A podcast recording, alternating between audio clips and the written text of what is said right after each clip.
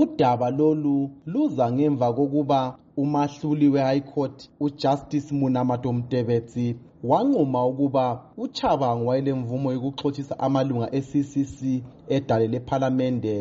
lokhu kwenza ukuthi amalunga la alufake esupreme court bephikisa ukuxotshiswa kwabo besithi kabamazi uchabangu kodwa udaba lolu kalusathoniswanga namuhla ngoba abahluleli ujustice elizabeth gwawunza ujustice antioneta gubaba lojustice alphias chitakunye bathe idale labo kalizange lithole inhlawulo efunakalayo elinye lamagqwetha amela uchabangu umnumzana nqobani sithole uthi amalunga awe-ccc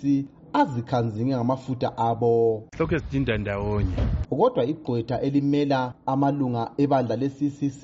unkosikazi amanda ndlovu uthi kwaba lokuphazamiseka kwendlela amagqwetha lawa akhweza ngayo udaba lolu abanye abarepresenti respondent bathi khona khona bafuna imali ekadimeli ifakwe so ikhodi yasisithi hhayi hambanini liyelungisa indaba zemali unkosikazi ndlovu uqhubeke esithi sebezamelela lokho okuzacelwa ngamalunga eCCC lokhu kusekelwe ngumnumzana Jameson Timba okhokhela elinye icele leCCC okuphume edale leli kutsho ukuba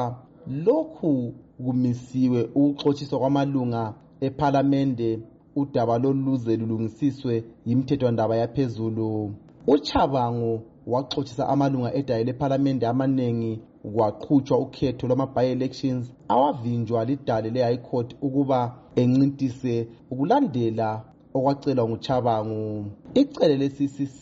elahlanyukelwa ngumnumzana nelson chamisa okwamanje selikhokhelwa ngumnumzana woshman ncube labanye ababili lakha phansi kukhetho lwama-by-elections kwanqoba endaweni eziningi elezanu-p f ngimele istudio 7 ngiseharare ngimlondolozi ndlovu